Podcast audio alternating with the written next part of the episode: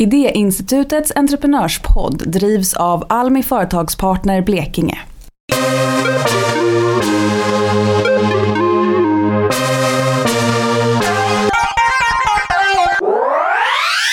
Han är entreprenören med smileygroparna nära till hands. För flygresenärer här i Blekinge så är han ett välkänt ansikte då han 2007 tog Blekinge flyg på en hejdundrande resa mot toppen.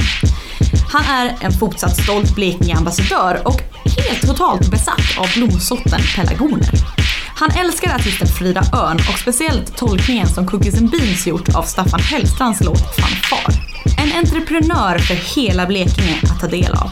Med rollen att ge de bästa förutsättningarna för framgång. Han är Jens Harrison. Välkommen hit Jens! Tack så mycket. Trevligt att ha dig här. Tackar. Eh, Du, det här med sälj. Känner du dig som en riktig säljare? Ja, det hoppas jag. En riktig säljare hoppas jag att jag känner mig som. Absolut. Hur känner sig en riktig säljare då? Men jag tror att alltså, jobbar man med service, jobbar man med människor, möten och jobbar med produkter och så, så är man på ett eller annat sätt alltid en säljare. Och det där är rätt viktigt. Jag har ju en bild av säljare som att de är de här sliskiga typen som kommer med en portfölj och försöker sälja en dammsugare. Sådär. Eh, Känner du dig som en sån? Nej men alltså det, det där med att vara säljare det, det bygger väldigt mycket på trovärdighet, tror jag.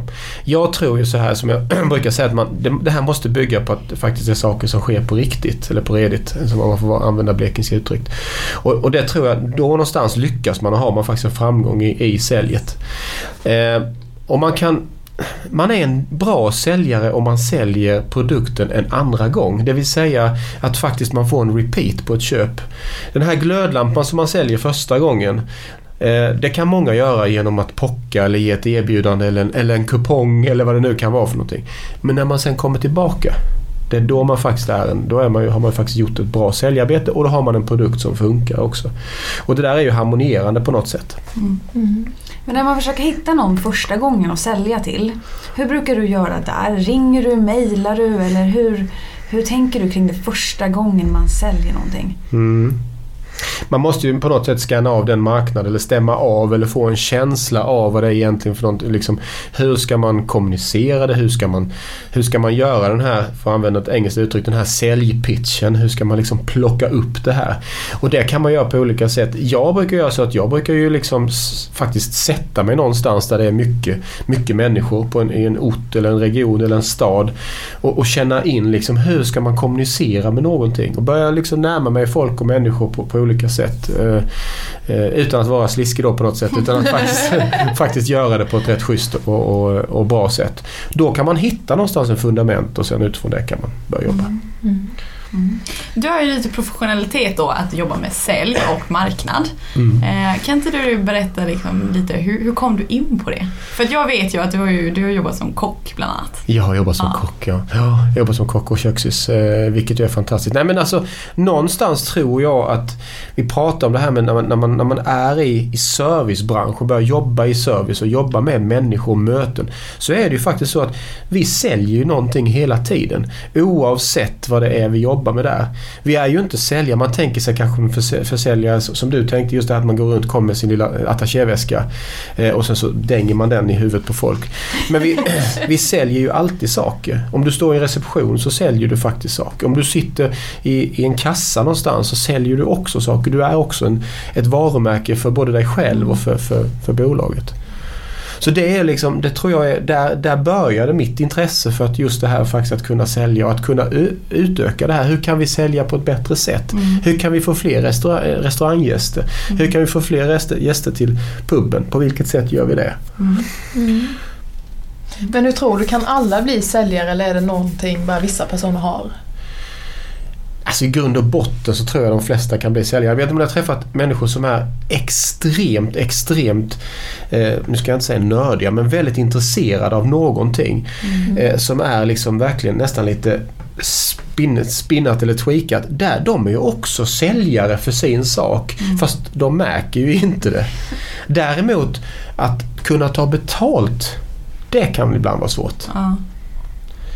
Och en säljare, nu generaliserar jag, men en säljare som jobbar på ett stort företag vill ju gärna kunna erbjuda en bra service, en fantastiskt bra produkt och samtidigt det här special price for you.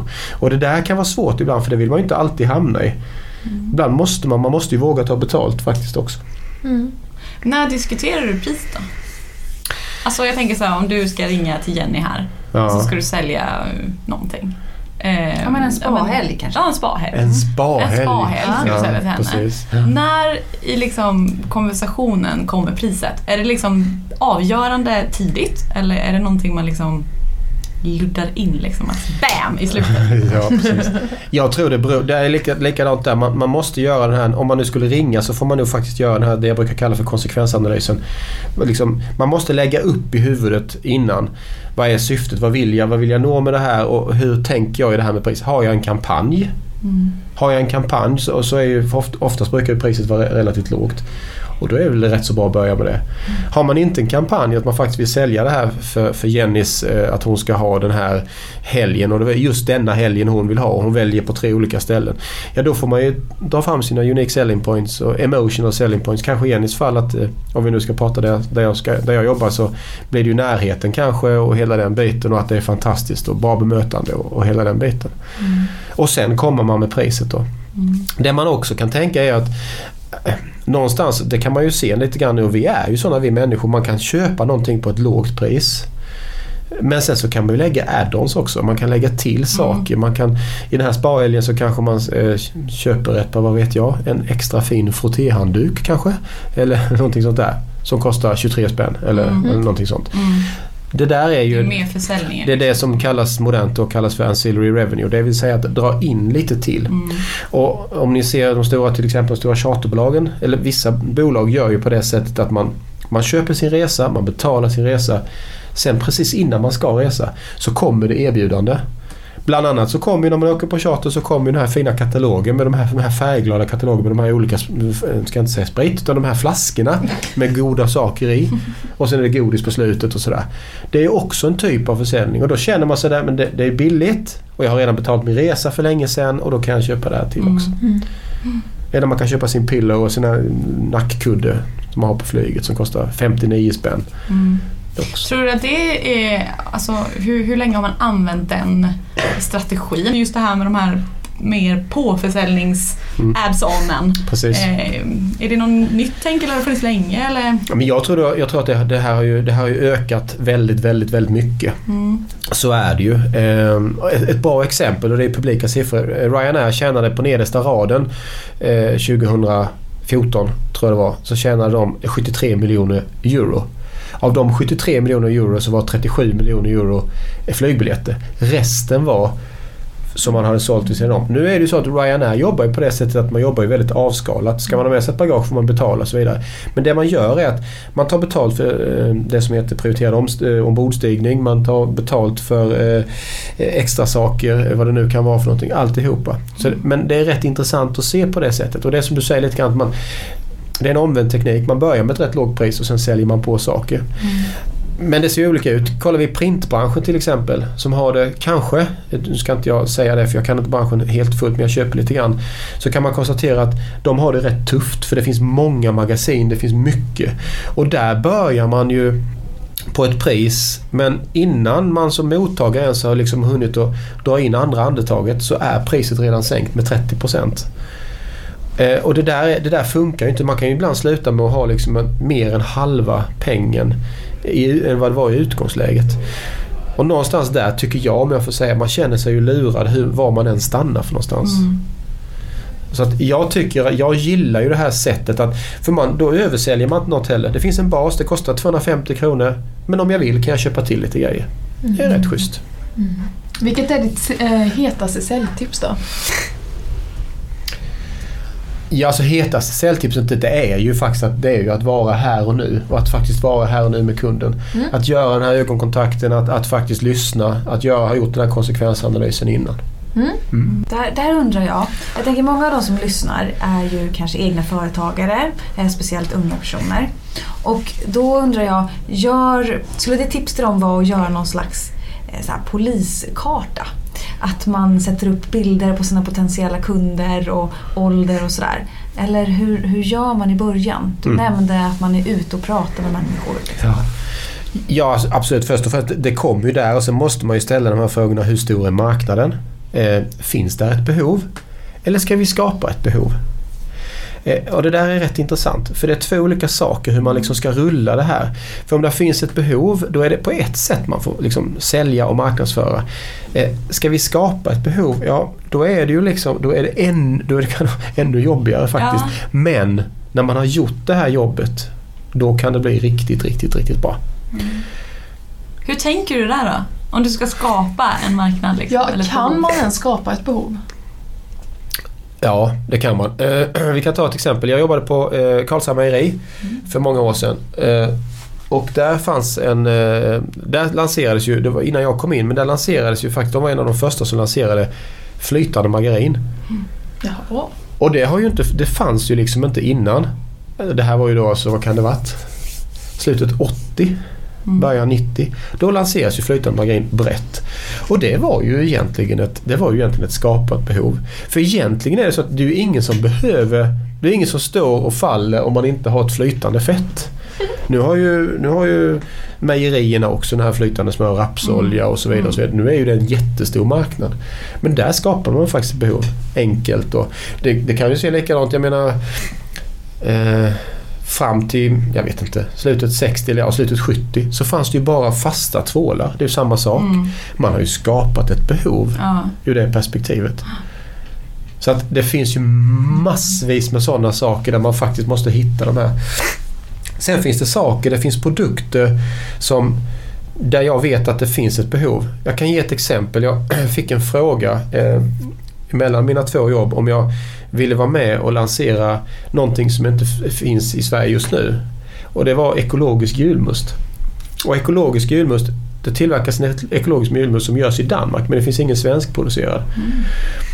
Eh, och det där var ju rätt så intressant och det kan jag säga att det hade sålts. Det hade, det hade liksom inte varit några problem.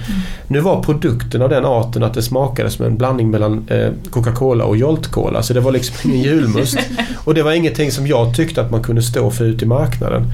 Men hade det valts att man hade lanserat den här produkten så hade den, den hade sålt bara för att den hade varit ekologiskt. Ja. Och det där ligger ju liksom i tiden. Det var liksom ekologiskt hela vägen med EU-lövet och alltihopa. Mm. Ja, Så tajmingen handlar ju, det handlar ju väldigt mycket om timing också. Ja.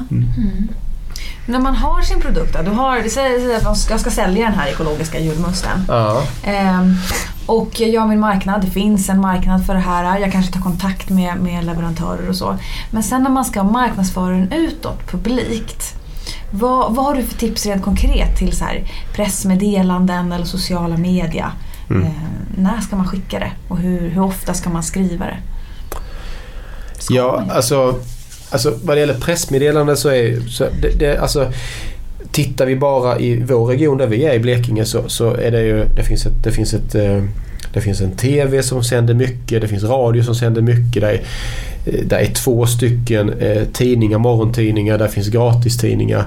Eh, och vi bor 155 000 själar, om man nu tittar bara på Blekinge. Så, så det finns ju en, en törst över att faktiskt få, få skriva om saker. Det händer jättemycket i Blekinge men man, jag ska nog vara ärlig handen på hjärtat att man ska fylla en tidning varje morgon eller varje onsdag eller vad det nu kan vara för någonting. Så att absolut, det finns ingenting som är så roligt som att skriva om nyheter. Mm. Eh, Och speciellt när unga personer kommer med någonting nytt eller gör någonting. Det ser, det ser vi ju i tidningarna. Och att använda tidningarna som, liksom ett, som det, den typen av verktyg. Sen får man inte, där får man inte översälja det här utan man måste beskriva det på ett sakligt och bra sätt för att annars blir det inte trovärdigt. Sen vad det gäller, gäller liksom det andra att, att, att, att göra Facebook, sociala medier, eh, vad det nu kan vara för någonting. Det är också en oerhört viktig sak. Eh, tittar vi på man måste också göra den här analysen igen. Vilka är det man egentligen talar till? Om det är så till exempel, och nu generaliserar jag igen, det får man göra annars överlever man inte. Men om vi tittar, när vi, när vi flög, charter till, flög charter till Europa på Blekingeflyg. Så kunde vi konstatera det att det, det blev liksom ingen effekt av att sätta in det i Facebook. Nu flyger vi till Prag. Men däremot en vignett, första sidan längst ner i morgontidningarna. Där man skrev nu åker vi till Prag. Det gav en enorm effekt direkt och bokningarna bara stack iväg. Och dessutom där på snack om timing. Där valde vi att lägga de här vignetterna på julafton.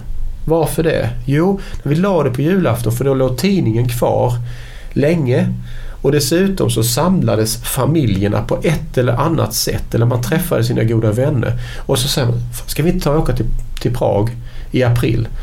Så det bästa, de bästa bokningsdagarna där var 24, 25 och 26 december. Och sen var det i stort sett fullt. Mm. Så det är återigen det här med att hitta den här vägen och det visste vi ju inte första gången. Nej. Men vi började hitta och förstå att okej, det är där vi pratar någonstans. Men jag tänker till de som eh, är nystartade kanske, om man kör en, en skilfirma kanske. Så Mm. Då kanske man inte har jättemycket startkapital. Ehm, hur tänker man där då? Alltså, är, det, är det sociala medier då som gäller? Liksom? Ja, Eh, det- ja men jag, tror- jag tror det. Och sen tror jag nätverkandet är viktigt också såklart. Det finns ju ett antal olika nätverkskluster Mm. som, som där, där man kan bli inbjuden faktiskt. Man betalar ingenting. Första, första gången får man vara med eh, utan att det kostar något. Då ska man liksom ta tillfället i akt och vara med där. Om man tittar på Blekinge då så finns det kanske många sådana här nätverk man, man kan vara med på en gång. Det är ungefär som när man var liten och gick i sån här eh, idrott. Man fick vara med två eller tre gånger så var man tvungen att betala medlemsavgift. Det är ungefär samma sak. Men, men de där funkar rätt så bra och då börjar man, kan man börja få snurr på det och sen så är det någon som blir intresserad och sen är det någon som känner någon och så börjar man, börjar man dra i det här. Walk the talk hela tiden liksom. Det är viktigt. Men det här med marknadsföring är ju väldigt viktigt och syns man inte så finns man inte. Så är det ju.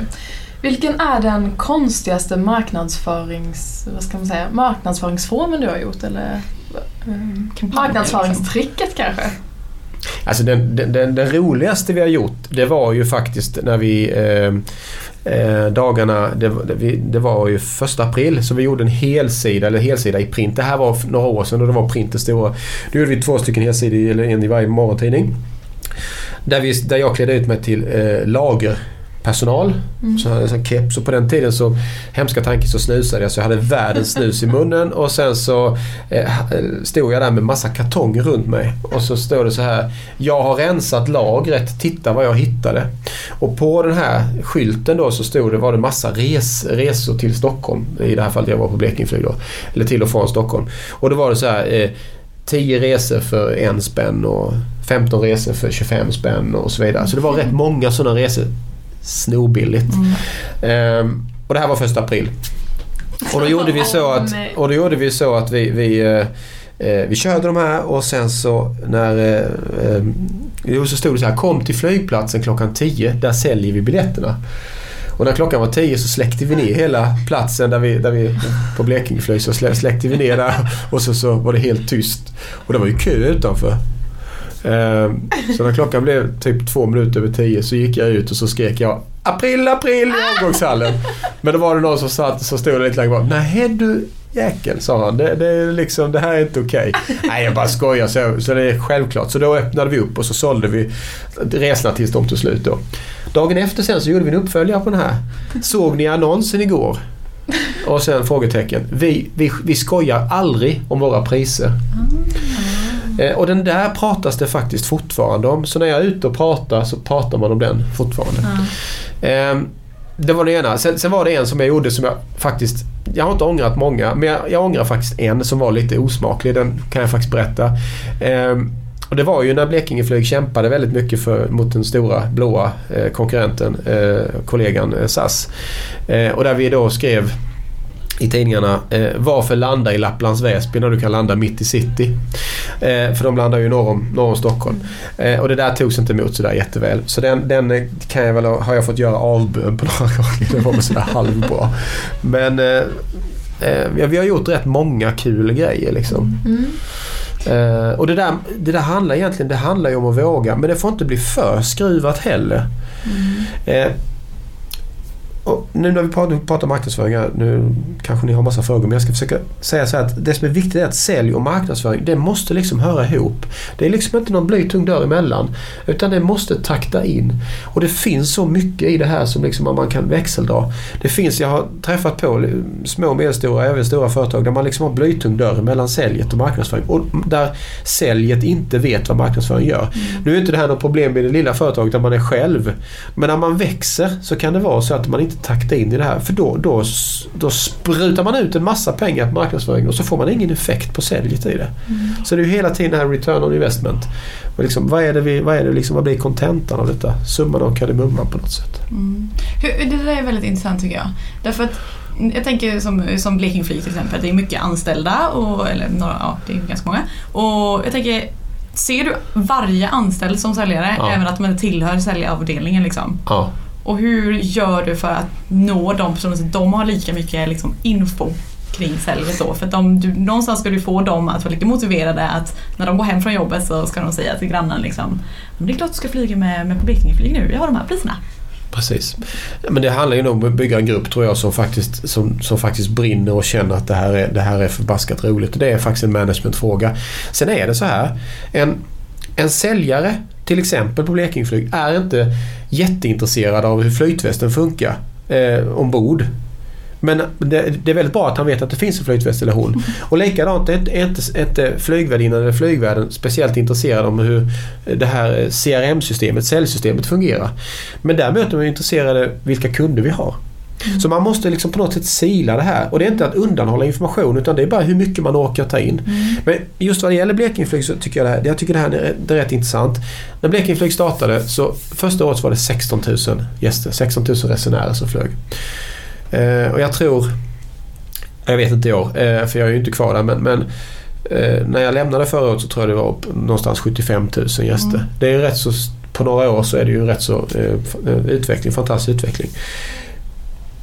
Blekingeflyg hade aldrig lyckats. För om man tittar på när vi, när vi började flyga så flög vi en maskin, en produkt som var... Det kanske inte var liksom världens bästa flygmaskin. Den var säker, den funkade men, men den var ju liksom inte top notch. Utan det var, det var en Saab 340, en arbetshäst. Den bullrade lite, den lät lite. Eh, det var liksom inte de snyggaste sätena och så vidare.